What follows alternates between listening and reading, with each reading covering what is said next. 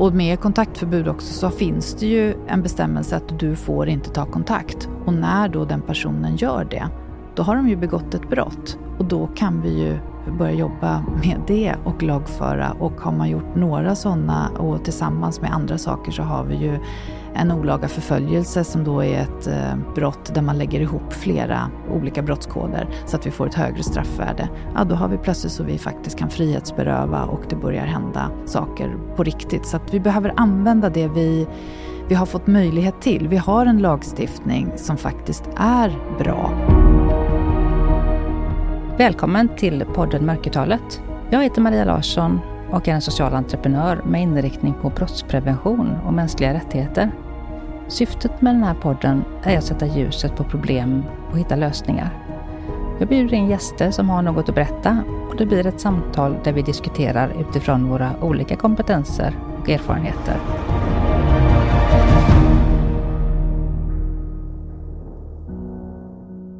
Hej och eh, idag är vi åter i studion. Jag var på Bokmässan sist vi hördes och hade lite socialt experiment för mig. Och det var väldigt intressant. Så ni som har missat det, ni får lyssna på när jag var på Bokmässan och träffade ett antal gäster som eh, jag tog i flykten. Och det var oerhört intressant. Men idag är vi i studion och eh, jag har med mig en gäst. Och eh, hon har varit chef för en kvinnojour i Norge. Hon har varit polis i 30 år. Och hon är numera nationell verksamhetsutvecklare för brott i nära relation inom polisen. Varmt välkommen Erika Gyllensvärd. Tusen tack. Hur har din vecka varit?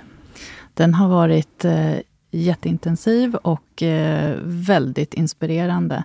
Inom Polismyndigheten så har vi ett nationellt regionnätverk med två representanter från varje region, polisregion, vi är sju regioner, och särskilda utredningar som då utreder brott som bland annat poliser då gör. Och vi har samlats i tre dagar och eh, ja, fått föredragningar, vi har eh, berättat om eh, bra projekt, arbeten som genomförs i regionerna, delat erfarenheter och eh, reflekterat tillsammans. Så att det har varit fantastiska dagar där. Mm, så nu är du lite både manglad men kanske också upplyft? Väldigt, ja. Mm. Stolt. Ja, härligt. Bra. Det ska man vara, mm. tänker jag, på jobbet. Ja, men vem är du? Kan du berätta lite mer om dig? Eh, så vi får veta lite. Ja, nej men jag har jobbat som polis i eh, närmare 30 år och har varit inom det man är inom en poliskarriär så, med att ha jobbat ute i uniform och eh, stationsbefäl och insatschef och på polisradion och så. Men även eh, i nästan tio år som chef för brottsoffer och personsäkerhetsverksamhet i Stockholm Nord med då ett upptagningsområde på 18 kommuner. Så väldigt mycket samverkan med eh, frivilligorganisationer, kvinnojourer, brottsofferjour, men också kommuner och andra som vi behöver samverka med. Och jag har gjort väldigt mycket riskbedömningar som man gör och jobbat med stöd och skydd. Och så har jag även då jobbat i Norge några år på ett kommunalt skyddat boende där. Mm. Och så nu är jag tillbaka inom Polismyndigheten och då kom jag in som ungdomsutredare och eh, bor i Strömstad, utgår därifrån många gånger men reser mycket. Och så är jag nu nationell verksamhetsutvecklare för brott i nära, precis som du nämnde, eller våld i nära. Och så leder jag ett regeringsuppdrag som handlar om bemötande och psykisk ohälsa och brott i nära relation. Mm, så regeringsuppdraget är kopplat mellan psykisk ohälsa och brott i nära? Ja. Okej, okay, spännande. Ja, jag tänker ehm, polisens uppdrag att förebygga och eh, ingripa mot våld i nära relationer. Och vi har ju en nationell strategi. Jag tänker liksom börja lite högre upp som i sin tur bygger på Istanbulkonventionen då, som många kanske har hört, om men inte riktigt förstått vad det är. Då. Men det är en europeisk överenskommelse för att motverka mäns våld mot kvinnor, bland annat. Mm. Och den här nationella strategin då, den heter just så, Nationell strategi för att förebygga och bekämpa mäns våld mot kvinnor. Den är tioårig och den gäller från 2017 till 2027. Och det har också påbörjats ett nytt arbete att faktiskt ta vid när den tar slut helt enkelt, eller mm. förnya den. Och då kan jag bara bara berätta här då för er lyssnare då, att strategins fyra målsättningar är då ett utökat och verkningsfullt förebyggande arbete mot våld, förbättrad upptäckt av våld och starkare skydd och stöd för våldsutsatta kvinnor och barn, effektivare brottsbekämpning och förbättrad kunskap och metodutveckling. Och jag läser vidare lite grann här bara för att vi ska få en slags inramning och grund kring samtalet idag, tänker jag. I strategin lyfts särskilt två faktorer fram. Vikten av förebyggande insatser och mäns delaktighet och ansvar i arbetet mot våld. Men det betonas också frågor om starkare skydd för våldsutsatta kvinnor och barn, effektivare brottsbekämpning, förbättrade kunskaper, arbetssätt och metodutveckling. Den nationella strategin innehåller också insatser mot våld i samkönade relationer, arbete mot hedersrelaterat våld, prostitution och människohandel för sexuella ändamål åtgärder för att motarbeta destruktiv maskulinitet. Och för att nå resultat i arbetet krävs en effektivare samordning mellan samhällets olika delar. Och vad jag förstår så är ju alla egentligen omfattande av den här. Oavsett om man är myndighet, organisation, företag så behöver man dra sitt strå till stacken mm. för att uppfylla den nationella strategin. Mm. Och det är jätteviktigt det du säger Maria, för att mm. det här tänker jag man, man inte alltid tänker på. Alltså vi, Sverige ratificerade Istanbulkonventionen 2014. Och då innebär det att det blir svensk lag. Alltså ska vi bli skyldiga att följa Istanbulkonventionen. Och det handlar också om att vi ska genomföra riskbedömningar i alla de här ärendena. Och det gäller ju inte bara polisen, utan det är alla som kommer i kontakt med. Vi ska ha skyddade boenden som är värda namnet och där man möts av kompetent personal som då har eh, hög kunskap och kan hjälpa till med det man är utsatt för. Och där är ju Sverige på långa vägar i mål med att faktiskt eh, göra det som står i Istanbulkonventionen. Så att vi följer ju inte den fullt ut så som det är tänkt. Det är flera artiklar där som vi måste liksom få ordning på. Och bland annat Väldigt intressant när jag jobbade i Norge. Vi hade ungefär 80 kvinnor och 80 barn boende hos oss varje år och 300 i olika stödinsatser. Och I Norge så har man en krisecenterlag, alltså det heter krisecenter, ett skyddat boende eller kvinnojour. Och den är på tre sidor, men den beskriver tydligt att alla kommuner ska vara anslutna till. Det är fritt krisescenterval, alltså man åker till vilket krisescenter man vill. behövs inga placeringsbeslut från socialtjänsten, som bara det är en tröskel för många vill inte liksom ta kontakt eller bli registrerade, men du kan då slippa det, utan du åker direkt. Man har sina egna budgetar. Och man hjälper också till i en reetableringsfas. Alltså, alla behöver inte bo på ett skyddat boende, men man kan behöva hjälp ändå under tiden och man eh, behöver ofta hjälp efteråt och i samband med att det dyker upp vårdnadstvister och man kan behöva olika stöd där. Och det här eftervåldet som är så extremt vanligt, att man då får det här stödet utav utbildad, kompetent personal som eh, då finns dygnet runt. Man har en telefon man kan ringa till dygnet runt och man kan komma dygnet runt. Jag hade en 80-årig dam som kom springande i strumplästen, var misshandlad av sin vuxna missbrukande son och hon blir insläppt och man är skyldig att släppa in. Så för polisens del så är det ju också en, en jättehjälp om vi hade liknande som man har då både i Norge, Danmark, Island och Finland. Så Sverige är det land som sticker ut som inte har ordning på de här delarna. Och vi hade också dels anställda med minst treårig högskola och universitet, spetskompetens på våld i nära relation. Men också volontärer som var inne, men då styrdes utav de utbildade så att det blir rätt åtgärder som görs då utav eh, kompetent personal som då väljer ut vad de här kvinnorna, barnen behöver. Varje barn får en egen primärkontakt, varje vuxen och det är olika som har då kompetens på sina områden, så att barnen inte blir något medföljande till kvinnan, utan man är en egen person som har sina egna behov, som då ut, som man ser. Och kostar ingenting och man bor där så länge krisescentret bedömer att man behöver bo där, och man själv då. Så väldigt väl fungerande. Mm.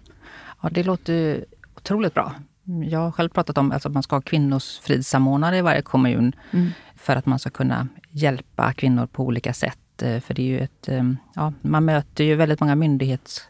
Alltså man behöver ta kontakt med många myndigheter när man söker hjälp. Men det som du pratar om här, det innebär ju också att väldigt... För det är, de flesta kommer ju inte till en kvinnojour. De flesta söker sig inte mm. dit, utan de flesta försöker lösa sin säkerhet och sin situation själva. Mm. För man känner ju inte heller att man, som du säger, inte kanske vill eller vågar höra av sig till socialtjänst eller polis.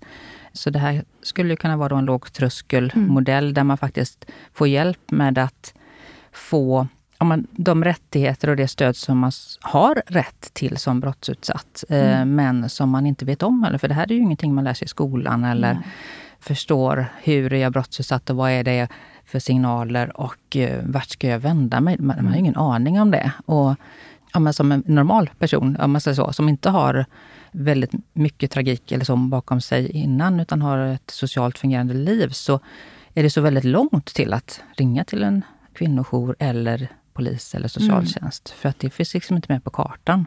Nej, och så. här ska ju då samhället, eh, och det behöver man jobba med också i Norge såklart, så att eh, det finns ju alltid förbättringsdelar i det. Men att samhället, att det är läkare eller någon ifrån, vad det nu kan vara, eller en vän som tar kontakt och, och att man hjälper till att skapa den här kontakten emellan.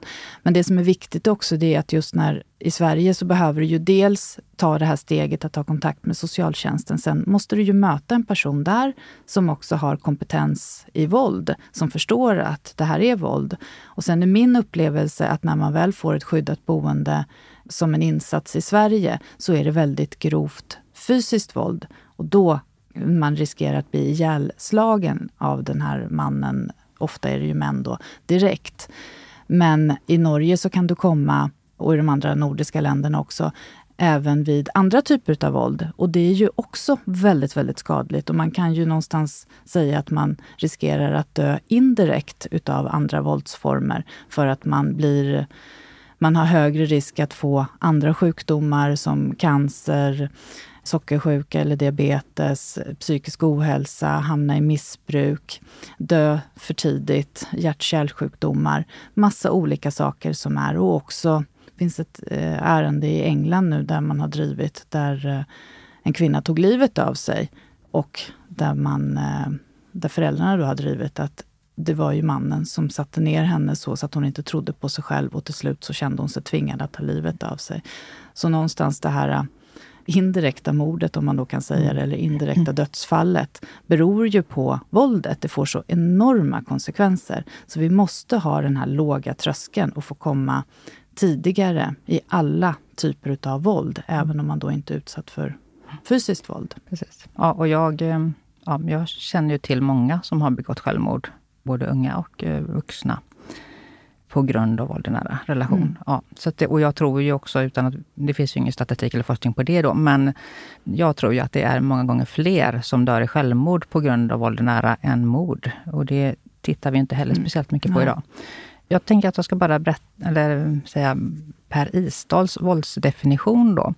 Och den här är ju då inte juridiskt brotts, om man säger så, brottsnära, eller vad ska jag säga. Det går inte att tänka kring att ah, jag känner mig utsatt och det är per definition ett brott. Men den är en väldigt bra indikator på om det är någonting som jag inte ska befinna mig i, en situation som jag be kanske behöver hjälp att ta mig ur. Och den lyder så här då.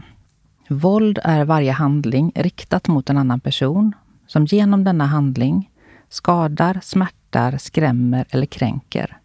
Får denna person att göra något mot sin vilja eller avstå från något, att göra något som den vill.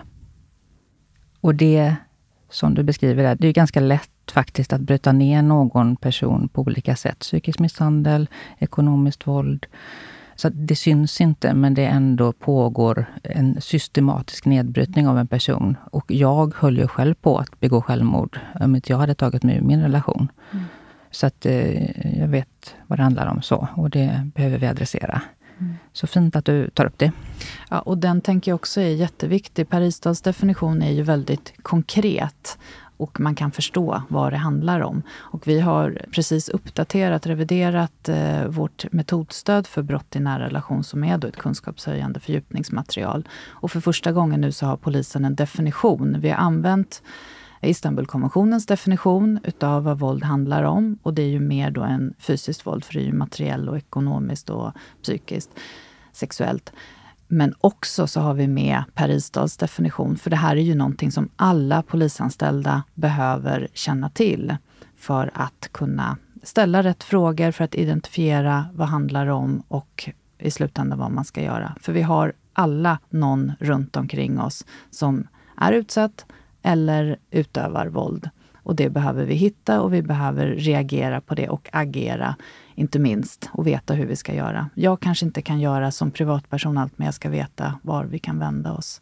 Och det här gäller ju kollegor, det är grannar, det är släktingar, det är vänner. Så att det är verkligen alla vi behöver hjälpas åt och vara, bry oss om andra personer av omtanke. Och det kanske inte alltid uppskattas eller att vi får det klapp på axeln som vi själva önskar. Men då har vi gjort någonting och vi har börjat skapa en förändring i den personen. Det värsta som finns och som jag har fått beskrivet av många som jag har mött, det är ju just, kanske inte det egna våldet alltid, men det är alla andra som har varit runt omkring, som har sett, hört, noterat, vänt sig bort och inte gjort något. De bystanders runt omkring, de skadar enormt mycket. Så vi behöver börja våga vara lite modiga allihopa. Och jag tänker som du, fast jag tänker att alla ska ha en högre kunskapsnivå mm. i mm. samhället. Och inte bara myndighetsanställda, utan absolut. alla, alla.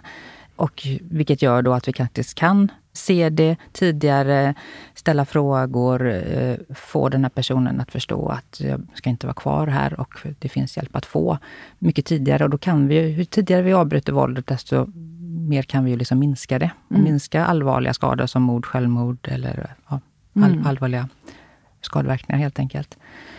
Jag tänker så här då, hur, vad går ditt jobb ut på? Ja, det är massor såklart att göra och det är eh, högt och lågt på många olika sätt, men det går ju ut på att påverka, lyssna in, få andra att göra mer, skapa ringar på vattnet. Så det är ju väldigt mycket att lyssna in, hur har utredarna, hur har vår eh, ingripande personal, vad har alla för förutsättningar för att liksom kunna identifiera det här? Och vi måste bredda det, så det är ju ett uppdrag som är stort. Att få fler att förstå att det här berör. För många gånger så ser man, okej, okay, det här är information till brott nära, då skickar vi det till brott nära-grupperna. Ja, där har vi vår spetskompetens. Men de här ärendena finns ju överallt. Trafikpoliser behöver förstå att det kan röra sig. Råkörningen som man har stoppat någon för hastighetskontroll kan vara en del i ett våldsutövande eh, för att man har velat skrämma sin familj, den som sitter bredvid, sitter med i bilen. Och eh, förhandlarna, om man då hjälper, liksom man är ute på ett självmordsförsök och man har då, ja men typ räddat eller fått en person att avstå från att begå självmord, så behöver man förstå att det här kan vara en del i ett våldsutövande eller en person som mår väldigt psykiskt dåligt, men att man är eh, våldsutövare i en destruktiv, våldsam relation. Och då behöver man förstå att man har kanske använt då att hota om att ta livet av sig som en del i sitt våldsutövande. Så att fler behöver mer kunskap. Så det går ut på väldigt mycket och att också finnas med på andra nivåer. Jag är till exempel den som går igenom dödsfallsutredningar tillsammans med Socialstyrelsen från polisens sida. Tittar på vad hade vi kunnat göra bättre? Regeringsuppdraget som jag leder, det handlar ju om att stärka polisanställda i bemötande eh, med personer med psykisk ohälsa i ärenden om brott i nära relation. Och det handlar om att vara polisens expert i de här frågorna i andra och andras regeringsuppdrag eller arbeten. Intervjuade i olika studier och, och så. Men att också vara en röst för de som inte får höras. Jag kommer in på arenor, har möjligheter att lyfta de här frågorna för att eh, påtala att det här förekommer. Jag har också ett väldigt, väldigt bra och positivt samarbete nu med eh, bedrägerisektionen till exempel som en del, som då har fångat det här och förstår att de i deras utredningar sitter många gånger på ärenden där den som är misstänkt egentligen är den som är våldsutsatt i ekonomisk brottslighet. För kommer man inte åt på andra sätt så försöker man förstöra och trampa sönder en person efteråt i det här eftervåldet. Så vem är det egentligen som är inlagd som skäligen misstänkt i ärendet och vad handlar det här om? Man kanske inte har blivit hotad med en kniv mot strupen, men personen har lyft ett ögonbryn eller man vet vad som händer om jag inte skriver på det här pappret som någon har lagt framför mig. Skriver på och så har jag plötsligt gjort mig skyldig till ekonomisk brottslighet eller gentemot Försäkringskassan eller vad det kan vara. För att man har varit utsatt för våld i hemmet och eh, hot på det sättet. Så ja, mer kompetens hos oss själva men också utåt. Och också transparens. Vad gör polisen? Och hur tänker vi för att kroka arm för vi kan göra jättemycket i vårt uppdrag och vi ska göra det ännu bättre än vad vi gör hela tiden. Vi strävar ju liksom mot en utveckling. Men vi är ju helt beroende av att andra myndigheter krokar i där. Som till exempel om vi förmedlar, om vi upptäcker fler våldsutövare, vi förmedlar att det finns hjälp att få för att bryta sitt eh, aggressiva beteende, sin dåliga impulskontroll. Och vi säger ta kontakt med, eller vi kopplar ihop dem med socialtjänsten som då har ansvar att ha insatser för våldsutövare. Då måste ju socialtjänsten vara rustad för att ta emot dem och kunna erbjuda det bra utbildning eller bra hjälp för att de då ska få verktyg. Så vi, ja, vi är helt beroende av varandra och inte minst civilorganisationerna är ju jätte, jätteviktiga där. Det låter som att eh, du borde vara en grupp av personer som jobbar med den här frågan. För jag tänker, du har ju både nationellt ansvar men också internationellt, för du ska ju vara ansiktet utåt för polisens arbete i andra sammanhang. Så att, eh, det låter inte riktigt som en enpersons, utan som en ni borde vara fler helt enkelt. Jag för jag, det är också så syftet med den här podden. Jag vill ju att polisen och också andra myndigheter ska titta på det här området. Tillsätta mer resurser. För ingen vill ju ha våld. Alltså ingen vill ha våld, varken på samhällsnivå eller på individnivå. Inte ens förövaren vill ha våld. Utan det här är ju liksom någonting som pågår, som måste, alla måste liksom adressera från olika håll. Och jag ser ju, att det finns en väldigt god vilja hos myndigheter, hos regering att tillsätta medel och tillsätta olika saker. Men eh, man kanske behöver också titta lite ny, nytänk så inom det här skrået. För och det sker ju en del nya saker så, och det är väldigt positivt tycker jag, för att man, man måste lyfta på stenar. Men det måste ske i en större omfattning, för vi, det är så ett komplext område och som podden heter, mörkertalet. De flesta, 90 procent, anmäler ju aldrig våld i nära. Mm. Och jag tror faktiskt att den siffran är ännu högre. Mm. För jag vet vilket enormt motstånd det är att våga mm. outa någon närstående, oavsett om man har lämnat eller inte. För har man barn tillsammans med den personen så är man i en kidnappningssituation helt enkelt. Mm. Så att man, eh, det är väldigt få, som du var inne på, det ska vara ganska grovt våld. Alltså de som gör en polisanmälan, det ser ut på ett mm. sätt som gör att man faktiskt eh, får tillgång till det här stödet eller eh, blir trodd. Det kanske blir en polisanmälan som leder till åtal om man, ja, om man har mm. tur. Mm. Så att det, det, ser ut på ett visst sätt. Och jag skulle vilja att man lyfter det på fler sätt. Mm. Och och eh, kunna adressera det så att man kan nå. För jag vill ju vända på det. Jag vill ju att 90 ska anmäla mm. våld nära. Eh, att man ska känna att det finns, när man kommer till olika instanser, så ska det finnas så mycket stöd som passar just mig i min situation.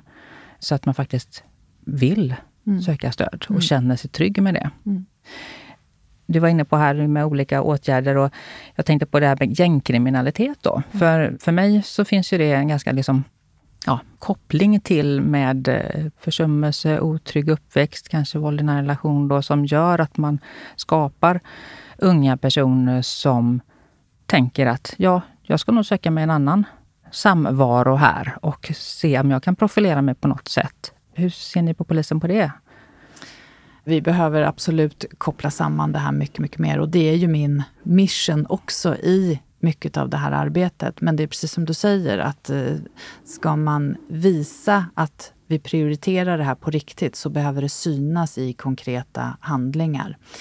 Men det är definitivt så att gängkriminella eller om man mår dåligt psykiskt på olika sätt, man använder narkotika eller vad det kan vara, hamnar i missbruk, så har man ju många gånger något trasigt med sig för att bli sårbar i det här. Och det snappas ju upp av den som behöver använda det. Så att vi har ju den här sårbarheten, både när man växer upp med våld i hemmet, det är ju jätte, jätte allvarligt för man blir sårbar. Ju mer, fler våldsformer, desto mer risker finns det ju. Både att bli våldsutsatt själv, hamna i en, i en destruktiv relation eller att bli våldsutövare. Så de vi ska jobba med, om man nu ska utkristallisera några överhuvudtaget, så är det ju de barnen som vi identifierar. Och de måste ju arbetas med länge. Det går ju inte bara att ha kortvariga insatser, utan här är det ju långa insatser. Och här behöver man ju verkligen, på mödravårdscentralen, när man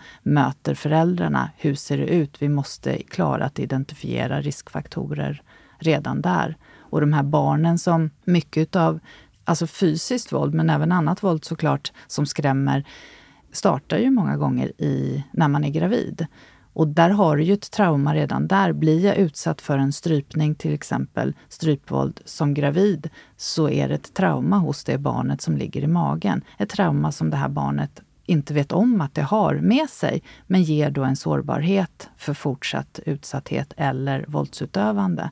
Så att det här är ju man behöver koppla ihop det här jätte, jättetydligt och jag är förvånad att det här går så i två spår hela tiden.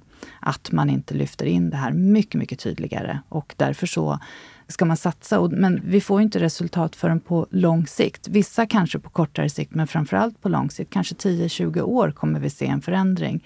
Men det är ju här vi måste jobba jätte, jätte mycket på alla fronter inom samhället och då måste det prioriteras och alla måste prata om det och jobba med det. Så vi vet så mycket, men det händer så lite och det är ju en frustration såklart, för vi har forskningen med oss. Vi vet vad vi behöver göra, men vi gör det inte, utan vi går fortfarande i våra stuprör. Här behöver vi koppla ihop mycket, mycket tydligare. Är jag ute på en en gängskjutning eller jag är ute på en sprängning eller jag är ute hos någon som misstänks för terrorbrott eller vad det kan vara, så måste vi vara med på att fråga hur har partnern det? Hur har barnen det i den här familjen? För att koppla på. Vi kanske inte får dem på det här andra grova brottet, men vi kan få dem på grov kvinnofridskränkning, på barnfridsbrott. Och då har vi dessutom kanske klarat av att identifiera och sätta in rätt stödjande insatser så att partnern klarar att lämna.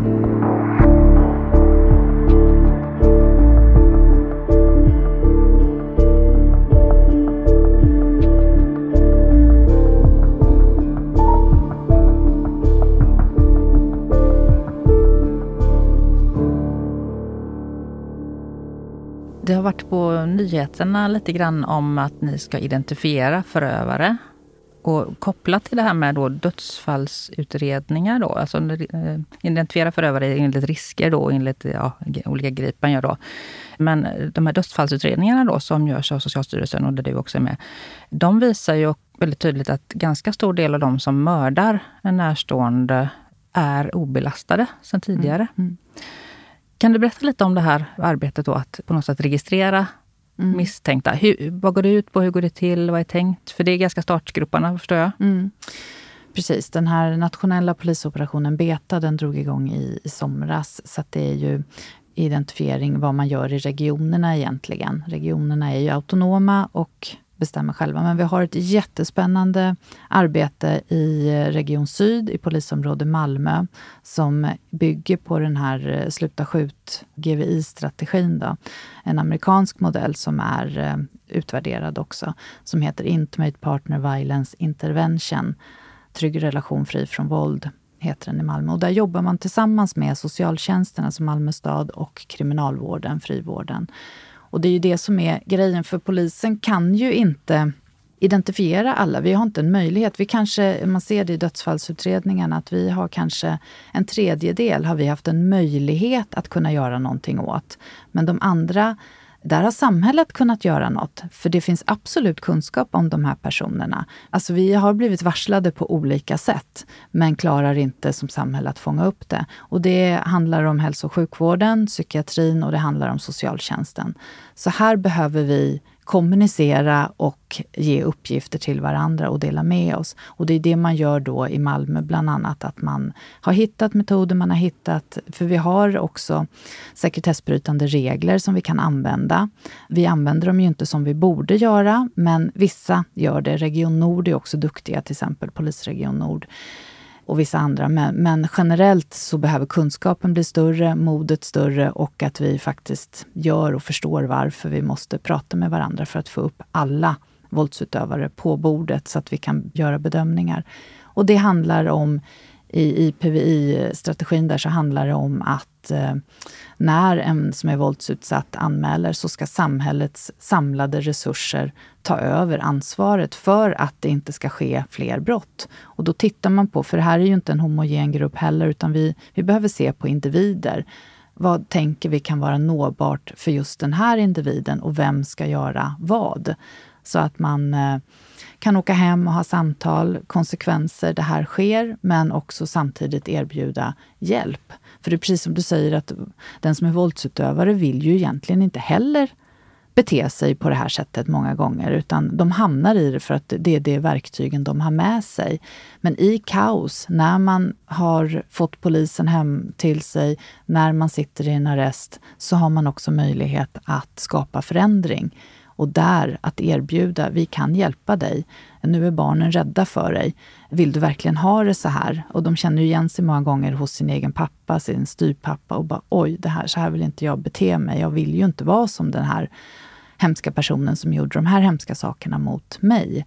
Så att hjälpa dem i det och ge dem verktyg på lång sikt, så är ju det, eller både kort och lång sikt, så är ju det, det är ju där vi kan bryta det. Och mm. också att de märker att de inte klarar att ha någon vettig relation, för det blir alltid bråk.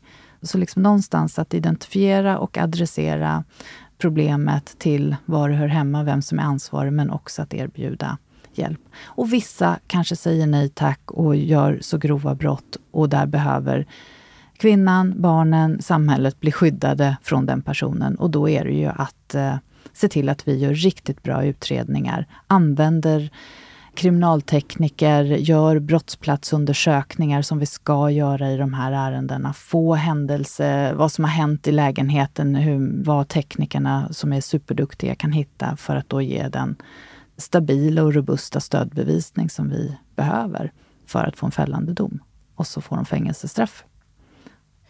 Du var inne på någonting där med eh, att um i de här dödsfallsutredningarna. Att man ser att eh, många andra myndigheter har varit inblandade. Och så har jag ju också tolkat det när jag läst om då. Och också att de här andra myndigheterna faktiskt har gjort insatser. De här kvinnorna har inte varit okända av eh, myndigheter. Sen kanske inte polisen har varit inblandad i alla, men och man kan också se att de, här, de har fått insatser, men de har inte varit tillräckliga. Så det är ju också något som är fruktansvärt när man läser de här, att man ser och förstår att insatser är gjorda som kanske då inte har hjälpt, inte varit tillräckliga eller varit fel. De kanske inte har varit formellt fel, för det har de tittat på också. Har man gjort fel så att det har blivit liksom fel, så att det har lett till mordet? Men det har man inte kunnat se i de flesta fall vad jag förstår. Men att det är så många insatser som har gjorts som ändå inte har räckt till. Och där tänker jag, där borde det ju vara så att att eh, polisen då får... Alltså man måste samverka på något sätt mer för att tidigare skydda och kunna hjälpa. Vi hade en åklagare här för några avsnitt sedan och där pratade vi då både om rättskedjans principer, hur går det till liksom när man gör en polisanmälan och vem gör vad, åklagare, polis. Och sen även vanliga åtalsgrunder då vid våld nära. Och då snuddar vi lite på det här med kontaktförbud och så. Och det känns ju som att vi har ju en lagstiftning på många plan där syftet med lagen är den är framtagen och ditsatt på ett visst sätt för ett visst syfte, men att vi inte uppnår det. Mm. Och där tycker jag ju att, att man måste, borde belysa det mycket mer då. För polisen har ju inte ensam ansvar här, utan det är Åklagarmyndigheten, det är domare, det är Kriminalvården, det är socialtjänst och skola inte minst. Då. Mm. Eh, så hur kan man koppla på den nationella eh, strategin på alla de här myndigheterna för att var och en ska göra rätt saker? Och då vill jag bara säga en sak. Som brottsutsatt då när jag, i eftervåldet här. Det var så många myndigheter som jag försökte få hjälp av i olika situationer av det här eftervåldet. För det är ju, uppfinningsrikedomen är ju enorm från den andra sidan, att komma på saker för att förstöra livet. Så man hamnar ju i situationer och jag upplevde det så ofta att de här myndigheterna inte hade koll på lagstiftningen och sina egna ansvarsområden, vilket gjorde att de backade undan och de blev rädda för den här personen som jag var gift med. Och eh, då blev den här arenan som jag behövde hantera så enormt stor. Mm. Hade socialtjänst, polis, familjerätt, skola, alla hade gjort det de skulle mm. och känna till vilket ansvar och uppdrag de har både enligt det liksom specifika uppdraget att faktiskt ha skola, skolplikt, men också angränsande då med våld och nära, så hade jag, det hade inte varit något problem. Men nu blev det helt ohållbart för en enskild person att hålla ordning på juridik och förstå vilka rättigheter man har. Eh, I princip tvinga myndigheter att göra det som de borde ha sagt att de skulle göra och hjälpa mig med. Mm. Så att här finns jättemycket att göra. Mm. Jag håller med och jag kan bara beklaga att vi inte är bättre. Och jag har ju mött det här också, både när jag jobbar med brottsoffer och personsäkerhet. Vi hade ändå ett påtryckningsmedel som, när vi kom från polisen, så blir vi lite lyssnade på och vi kunde våld. Men eh, det är ju inte alla som hamnar hos dem heller. Men också hur andra inte har tillräcklig kompetens Alltså vi behöver ju sätta in så höga skyddsåtgärder så att vi ligger lite över det vi behöver egentligen. Men många gånger så är vi, vi gör någonting och så backar vi undan och så tycker vi att vi har gjort något. Ett kontaktförbud ska ju inte stå ensamt heller, utan här behöver vi så mycket mer. Och det som Karin Götblad pratade om i sin SOU här, den statliga utredningen som kom 2014 om en koordinator och behovet av det.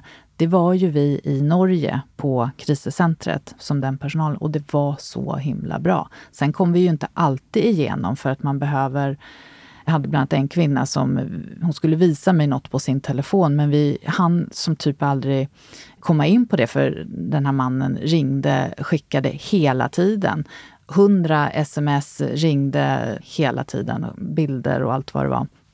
Och jag försökte verkligen via polisen då att få igenom ett kontaktförbud.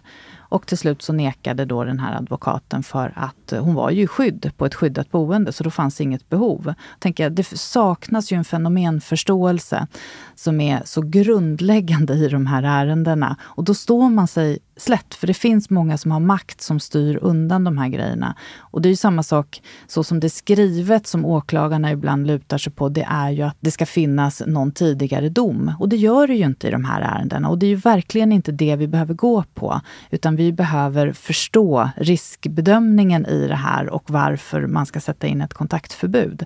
Och då måste vi göra det så mycket mer. Och sen kommer inte det att rädda allas liv. Definitivt inte för att vill man och är motiverad så kan man söka upp. Men vi behöver våga använda det här verktyget mycket, mycket mer.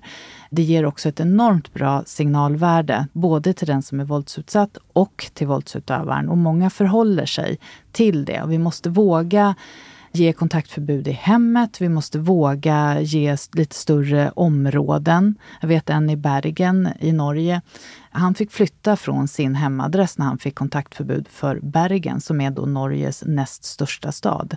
Man tog hela Bergen. Och det tänker jag, ja, det är ett bra signalvärde. Mer sånt när man förstör livet fullkomligt för någon annan på det sättet. För man har fått många chanser innan. Och när man inte lyssnar så behöver det bli konsekvenser, en reaktion ifrån samhället. Vi har också en dom i, i Norge som man har gått på EU-lagstiftning där man då har dömt staten för att man inte har lyckats skydda en kvinna och hon var utsatt då för stalking utav en man och eh, man lyckades inte, för man läckte och det blev jättedåligt. Och där blev faktiskt staten dömd. Så att vi har stora skyldigheter att skydda. Det finns en statlig utredning just nu som, eh, i Sverige som eh, tittar på det här med kontaktförbud och jag tänker att det kommer bli mycket, mycket mer reglerat på ett bra sätt. Så att vi använder det här mycket, mycket mer och hoppas att den går igenom. Jag tänker att vi har som sagt var, vi har ju syftemål med lagstiftning och, eh, och det är inte en sak som är eh, lösningen på det här, för då hade vi gjort det här för länge sedan och haft en hyfsad eh, ja, miljö för de som är våldsutsatta att kunna få frid och frihet helt enkelt. Då. Men vi är ju inte där överhuvudtaget. Eh, vi är ju inte ens där och nafsar. Liksom, utan det, så det går ju ovärdigt långsamt måste jag säga för Sverige som då ska säga att man är en rättsstat. Eh, mm. Och att vi har gömda kvinnor. För det, vi är ju inne på de områdena här nu då. För att om man inte får den hjälp och stöd, man inte får ja, den här personen fortsätter att leta upp en på olika sätt. Eh, och mm. där, det är ju så ovärdigt en rättsstat så att jag vet inte hur jag ska uttrycka mig. Så det är ju verkligen någonting som man behöver titta på. Varför har vi gömda kvinnor alls? För jag menar, att behöva vara gömd för att det är en person som är ute efter den. Mm. Det här borde gå att lösa. Mm. Det här är inte ens ett problem. Alltså mm. det... Ja, nej.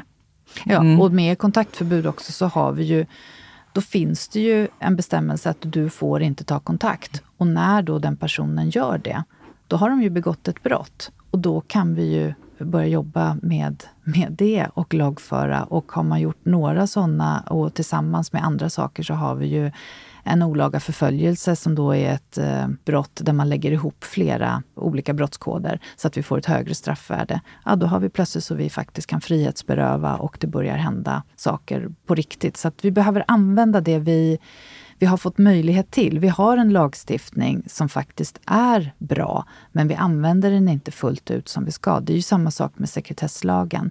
Det finns bra möjligheter, precis som jag nämnde både för vår egen del att förmedla till socialtjänsten, att använda generalklausulen i det. Vi måste göra en individuell prövning och vi måste dokumentera. Men det går alldeles utmärkt. Men vi har också möjlighet att få information och det behöver socialtjänsten och hälso och sjukvården lära sig mer om. Det är inte ett krav att de ska, men de får lämna information när vi har brott som handlar om eh, ett år i straffskalan. Och där ligger grov kvinnofridskränkning och grov fridskränkning. Och då kan de lämna information till oss. Och det är jätteviktig information och de måste använda den för att vi faktiskt ska kunna identifiera och för att vi ska hjälpa personerna. För vem är vi till för? Vi är till för medborgarna, det är därför vi sitter på de tjänster vi gör. Och därför så måste vi också rikta oss så att det blir bra för den personen och att de känner att vi är till för dem också. Så ja. För det här med förföljelse då, eller med kontaktförbud och eh, gömda, eh, man behöver hålla sig gömd då. Hade det varit ett annat scenario, att det var någon som förföljde en och höll på med de här sakerna, om man inte hade någon tidigare relation till varandra? Då tänker jag att det hade sett ut på ett helt annat sätt vad gäller hur man hade tagit tag i den här processen och de här sakerna som händer. Så att vi har gömda kvinnor i Sverige, då tänker jag så här att okej, okay, man har råkat gifta sig med en person som inte varit snäll mot den. Och sen är man fan livstidsdömd mm. att försöka på eget håll eller hålla sig borta från den personen. För man får inte rätt hjälp och stöd. För varje gömd kvinna, det är ett fundamentalt misslyckande från samhället. Mm att inte ha kommit rätta på det. Det kan inte vara så att man har tömt ut alla möjliga vägar för att komma till rätta med det. För det måste finnas sätt mm. att tillse att det här inte fortgår, att man ska behöva gömma kvinnor, att personer ska kunna leva i liv och frihet och förstöra någon annan människas liv och barnen också som behöver hållas gömda. Mm. Det är ovärdigt på så många sätt så jag kan inte ens uttrycka det. Så pågår det något arbete med det för att titta på hur kan man förhindra att kvinnor ska behöva bli gömda? det är ju att, tänker igen då på IPVI-arbetet och lite det jag mötte i, i Norge. För när jag kom på det krisescentret och skyddade boendet så bodde ju kvinnorna där de eh, hade levt innan, alltså i närheten av sina kommuner. Och det var ju inte det jag var van vid från Sverige, för där hade man ju flyttat dem långt bort och de kunde ju absolut inte vara kvar i sin egen kommun. Men det var man här i väldigt stor utsträckning, inte alla, för vissa var ju då, hade en ännu högre hotbild och behövde liksom bo lite längre ifrån och i andra, vissa i andra länder till och med. Så att där hade man så farliga, liksom bedömde hotbilden så stor. Men genom att man dels från kriscentret koordinerade och fick igång de andra som skulle jobba, så hade man då som motsvarande Försäkringskassan som kunde ha samtal med den här mannen. Man hade polisen som också hade samtal och man hade barn och unga om de hade barn. Barnevern heter det i Norge, men motsvarande då i socialtjänsten. Då man hade ett konsekvenssamtal. Vad händer om du inte sköter dig och gör som vi nu talar om, att du, du får inte uppsöka, du får inte kontakta, du får inte... Och det här blir konsekvenserna om du överträder det. Då kommer du riskera att inte få umgås med dina barn, du kommer att riskera de här sakerna, du får ett kontaktförbud, du får... Så att man fick ett samtal och en varning varning först, eller ja, beskrivning av hur samhället kan agera. Och det är ju så man också, det är tänkt att man ska jobba då mer i, eh, i IPVI då, i Malmö. Och som vi också hoppas ska få ett bra utfall så att man kan utveckla det vidare. Det är ju många av de åtgärderna är ju liknande det som Igor har gjort också. Så att det är ju påkopplat där, fast ännu bredare i det arbetet. Och då tänker jag att man kan stoppa det här i ett tidigare skede och man sätter då in saker när och om det sker någonting och att alla är på tårna runt den här personen. Vi har identifierat, här finns det en hotbild och vi behöver börja agera. Och vissa behöver ju få det här direkt, liksom de kanske inte kan få några varningar innan, utan nu sker det här på grund av att du har gjort de här sakerna. Sen funkar det ju inte fullt ut alltid, men i stora drag så fungerar det mycket bättre på det sättet i Norge med just att man hade den här koordinatorn och en väldigt stor kompetens gällande våld i nära relation och den här fenomenförståelsen. Och det är den fenomenförståelsen jag tänker också behöver finnas. För gör den inte det, så förstår vi inte att vi behöver eh, jobba på olika sätt och att vi behöver ha in kompetensen på många olika ställen. Mm. Ja, du nuddar ju nära med Igor.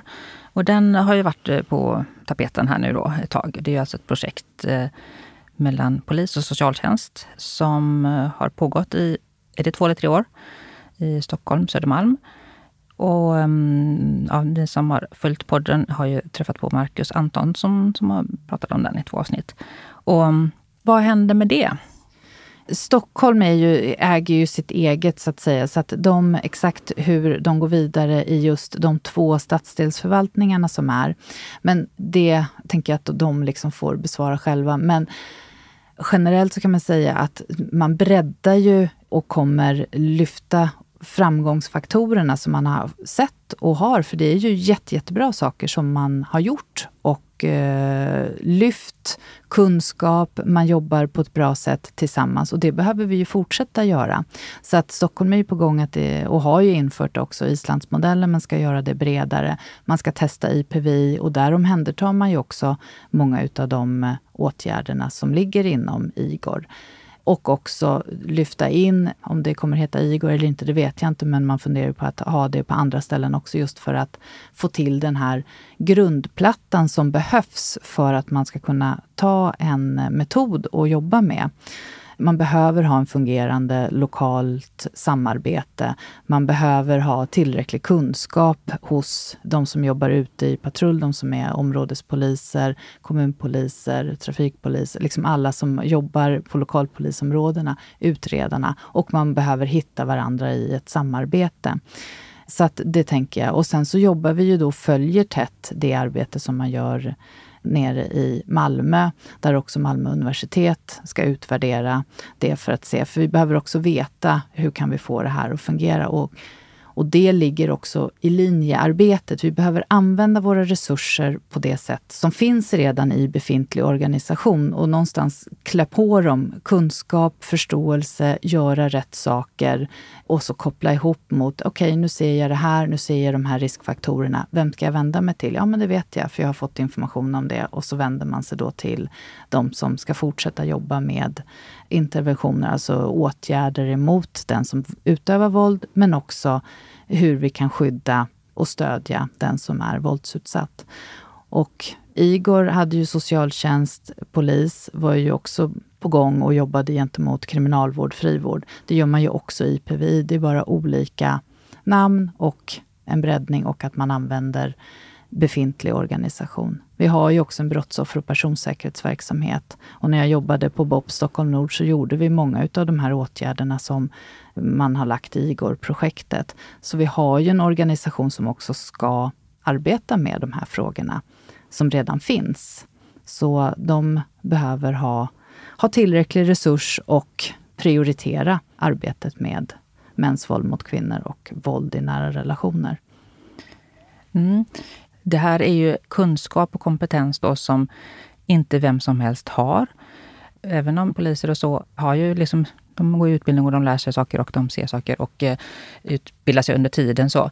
Men det här är ju ändå ett specialkompetensområde och jag tänker att polisen har ju för övrigt andra specialkompetensområden, eh, människohandel, knark eh, och det finns säkert fler då, där man har speciella team som har speciell kompetens då inom det här området. Det jag då befarar när man inte har det inom våld är nära, alltså på det här sättet, liksom att man har eh, grupper eller team eller vad man nu kallar det för, utan vill, när man inte har den typen av uppbyggnad av kompetens i team där man kan eh, jobba strukturerat med det här, då är det väldigt stor risk som jag ser det att det blir om det ska gå ut på IGV, alltså att, i linjeverksamheten, att alla poliser ska göra det här, så kommer det inte att bli så. Jag vet ju hur upptajtad man är som IGV-personal, alltså ingripande personal, och att man faktiskt inte har den här kompetensen då. Såklart ska alla höjas, precis som i det här regeringsuppdraget du pratar om. Jättebra, fantastiskt.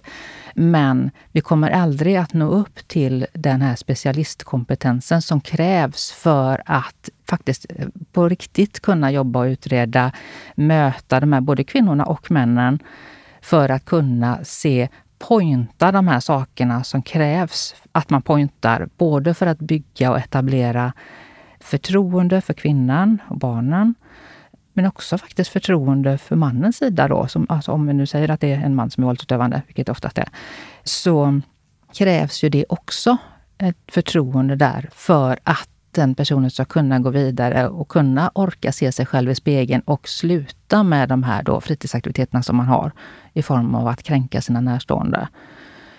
Och vilja ta hjälp med det. För det här är inte något som ja, förlåt mig då, men vem som helst kan göra. För det krävs så mycket. Det krävs fingertoppskänsla, det krävs kompetens. Det krävs många verktyg i den här verktygslådan med, i form av olika utbildningar etc. Så min farhåga, eftersom jag har ändå en del insyn i polisen och hur man arbetar och så, att man faktiskt inte riktigt organisatoriskt klarar av det. Och att dessutom att man tyvärr då från ledningsnivå hos polisen har för stor tilltro till att organisationen ska klara av det här. Det här är min farhåga då, att det kommer inte bli så mycket av det, utan man är duktiga på polisen att starta projekt. Eh, man vill uppmuntra medarbetare till att eh, göra saker och testa det och så. Och det är jättefint och bra, men sen upplever jag att man inte är så bra på att ta hand om det i andra änden då. Och det här gäller inte bara det här området, utan det gäller många områden. Jag var ju involverad i metoo inom polisen. Så, och det är samma sak där, liksom, att man tar inte hand om de här goda krafterna. Utan ja, det blir inte bra på slutet. Och där vill jag egentligen liksom hjälpa polisen att vara lite ja, både omtänksamma mot varandra i organisationen, men också faktiskt se de här liksom sårbarhet och brister som finns i en stor organisation. Och då Speciellt inom polisen där man faktiskt ska vara bäst på det här. Man ska se var, var går lagen över till något olagligt? Var finns de här gränsöverskridande beteenden? Hur ser vi på varandra, på medarbetare? Sekundär traumatisering, hur kan vi hjälpa varandra att bli vårt bästa jag? Och jag tänker att man alla har väldigt goda alltså intentioner, och sen, men man får också se de mänskliga begränsningarna och våra beteenden som vi har både mot varandra i organisationen, men också mot eh, medborgare. Så där är min farhåga att man faktiskt inte lyckas att omhänderta kompetensen och att kompetensen inte stannar helt enkelt, utan man, man ledsnar för att det, det är för trögt. Men skulle du vilja beskriva vad de här olika vad kallar det för, metoder, mm. projekt, vad de går ut på, bara i väldigt stort? Så? Mm. Ja, men det kan jag absolut göra. Jag kan bara först säga att mm. jag, jag håller med och jag har själv varit runt på regionbesök hösten 2021 när jag precis hade börjat den här tjänsten och eh, mötte medarbetare. Och det är mycket och inte ens i egen region vet man alltid vad som händer som är bra saker. Så att vi behöver ha koll på det och vi behöver ta tillvara det som funkar och vidare. Och jag delar din farhåga med att eh, släppa saker och ting helt. Och där kan jag kroka i just med IPVI som då inte är släppt så, utan där finns det funktioner, det är projektledare som är bemannade med eh, personer som kan de här sakerna och som då jobbar och har strukturerade möten med. Så här har man ju socialtjänst med, man har kriminalvård med och man jobbar med analytiker och tar fram listor och sånt. Så att man har skapat en organisation så, så att det är jätte, jätteviktigt så att man håller i. Vi behöver också veta att saker och ting fungerar för att inte bara sträcka upp fingret i vädret och känna, ja det här, nu blåser det så, vi springer åt det hållet. Utan vi behöver ha evidensen med oss och duktiga oberoende forskare som säger att, ja men det här det här eh, fungerar i Sverige eller det här fungerar inte och då måste vi våga avsluta saker som inte funkar men också driva vidare. Så att jag tänker ju att IPVI, i min värld och i mitt huvud så är det en påbyggnad, en utbreddning utav Igors arbete. Så att där har man det. Och sen hur Stockholm gör, just hur de lägger ut det, det kan inte jag gå in på och svara på för det, mm. det har inte jag rätt till att tycka till om utan alla regioner är autonoma själva. Men jag har ju definitivt ett eh, arbete med och pratar också med både personer i eh, organisationen som jobbar med sakerna men också höga chefer och ger råd och dåd och förklarar hur jag ser på saker och ting. Sen är det inte alltid de gör som jag mm. önskar. Mm. Så är det. Men, eh, så jag bestämmer inte över hela polisorganisationen, mm. men jag har ju ändå ett sakområdesansvar i, mm. i det här och eh, någon form av kunskap eller expert inom brott i nära relation som man ändå har satt mig i den funktionen. En fråga bara om IPP då i Malmö där. Det är då ett pågående projekt från i år, 2023, till 2025 om jag förstod det hela rätt.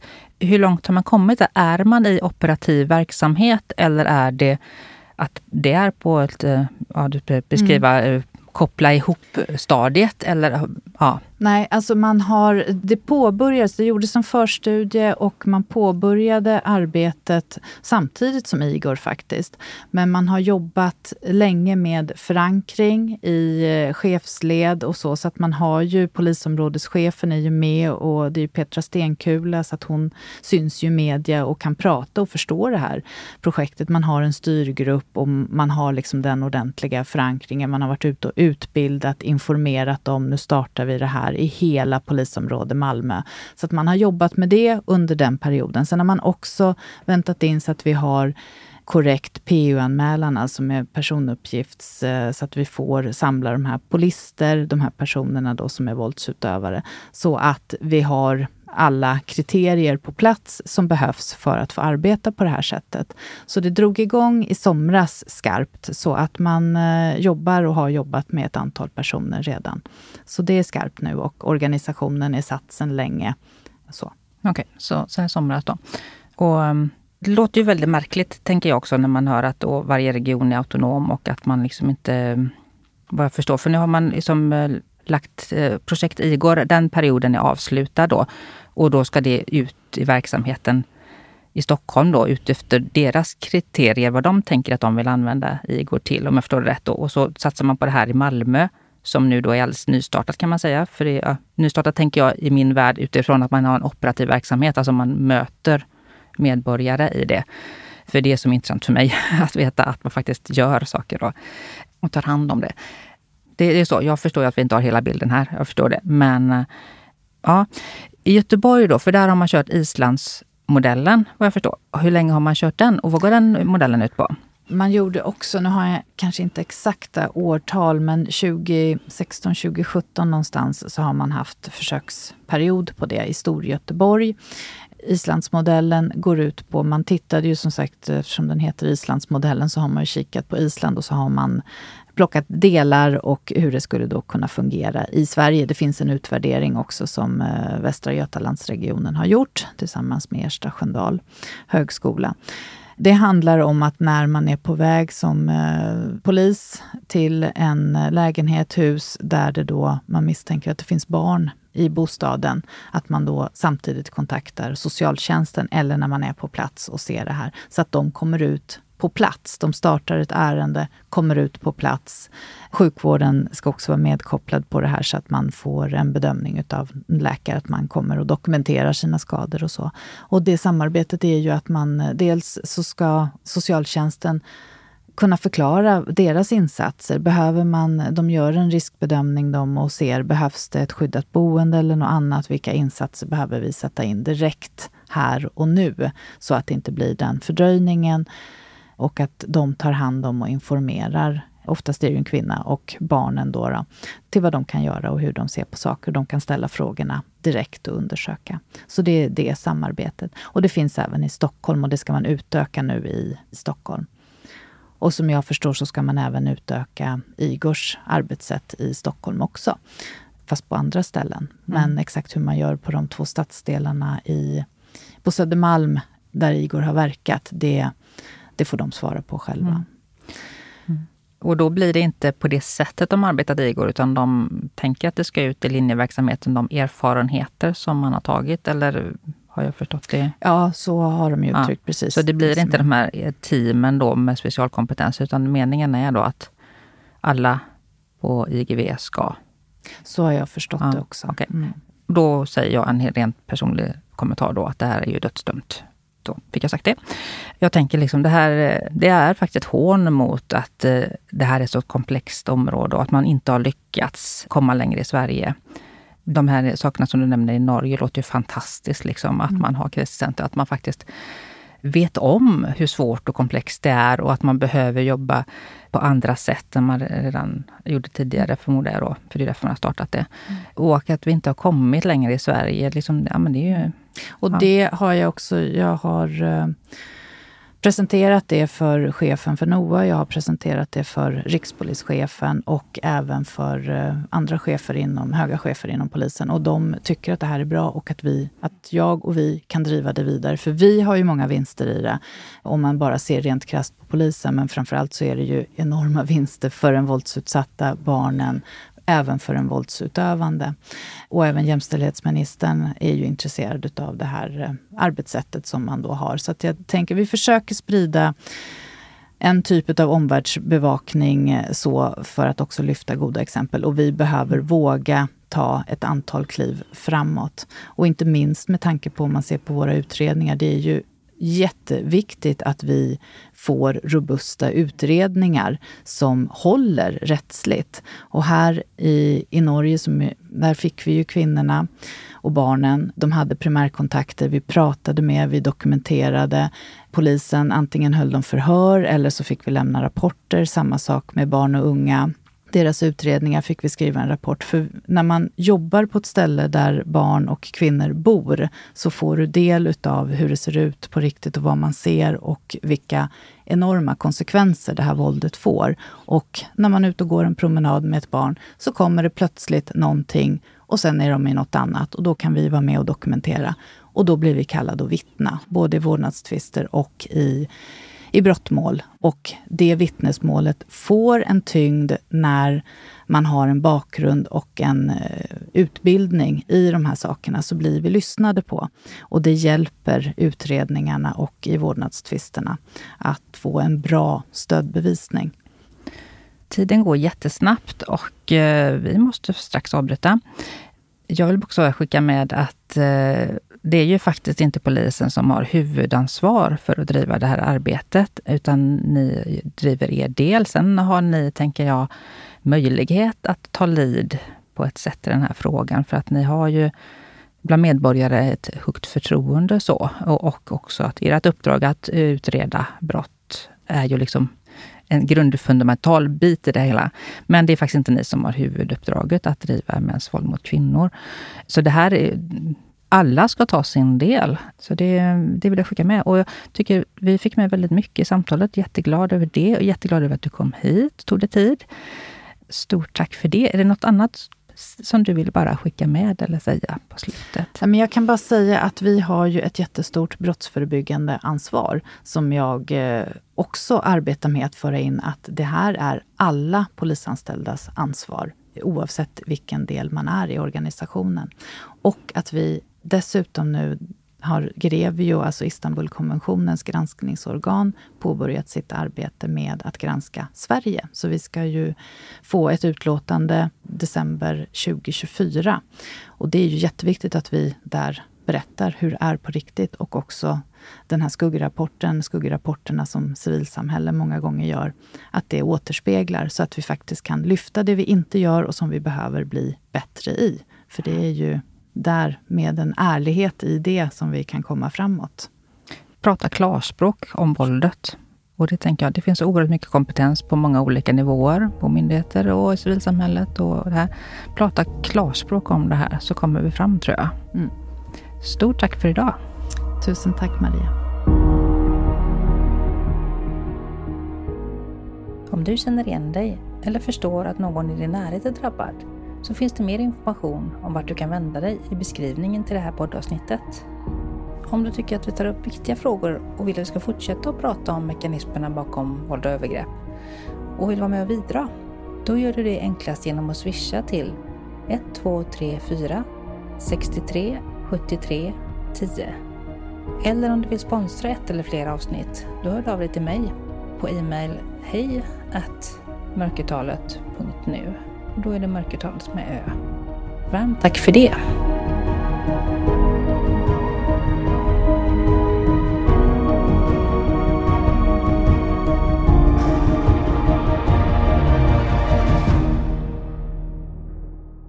Podden Mörkertalet produceras av mig, Maria Larsson och Stray Dog Studios.